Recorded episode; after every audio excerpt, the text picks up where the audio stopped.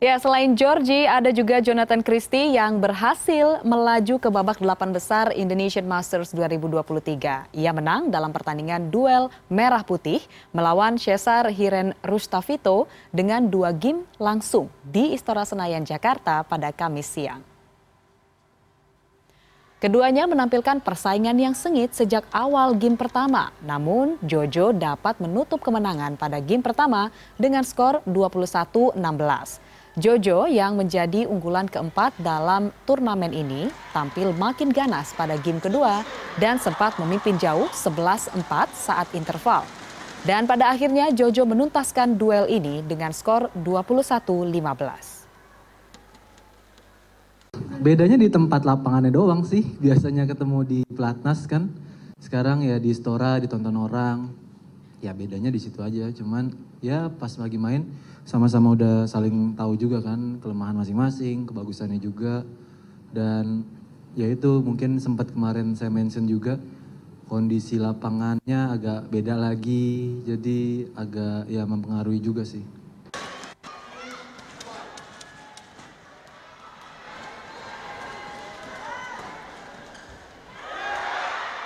Sementara itu kemenangan juga diraih ganda putri Indonesia Apriani Rahayu, Siti Fadia Silva Ramadanti.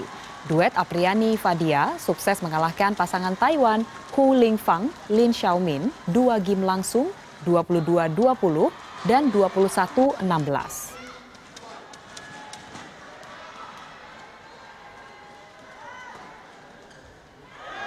Sebaik mungkin pola permainan kami disatukan dan tidak ada cedera sama sekali. Um, ya ya kami tadi terapin itu kan set pertama sempat uh, jus-jusan ya. Uh, terus memang dari awal itu aku sudah bilang sama Fadia yang satu ini ada yang dari Cina Taipei yang salah satu dari mereka ini lumayan bagus. Karena waktu itu kan mungkin Fadia juga udah pernah ketemu ya. Uh, pernah ketemu dan aku juga udah pernah ketemu tapi mungkin beda partner. Nah jadi setahu setahu gue itu dia yang bagus gitu kan. Nah jadi coba kita arahkan ke yang lebih kurang gitu dan ternyata memang yang satunya pun juga punya kualitas.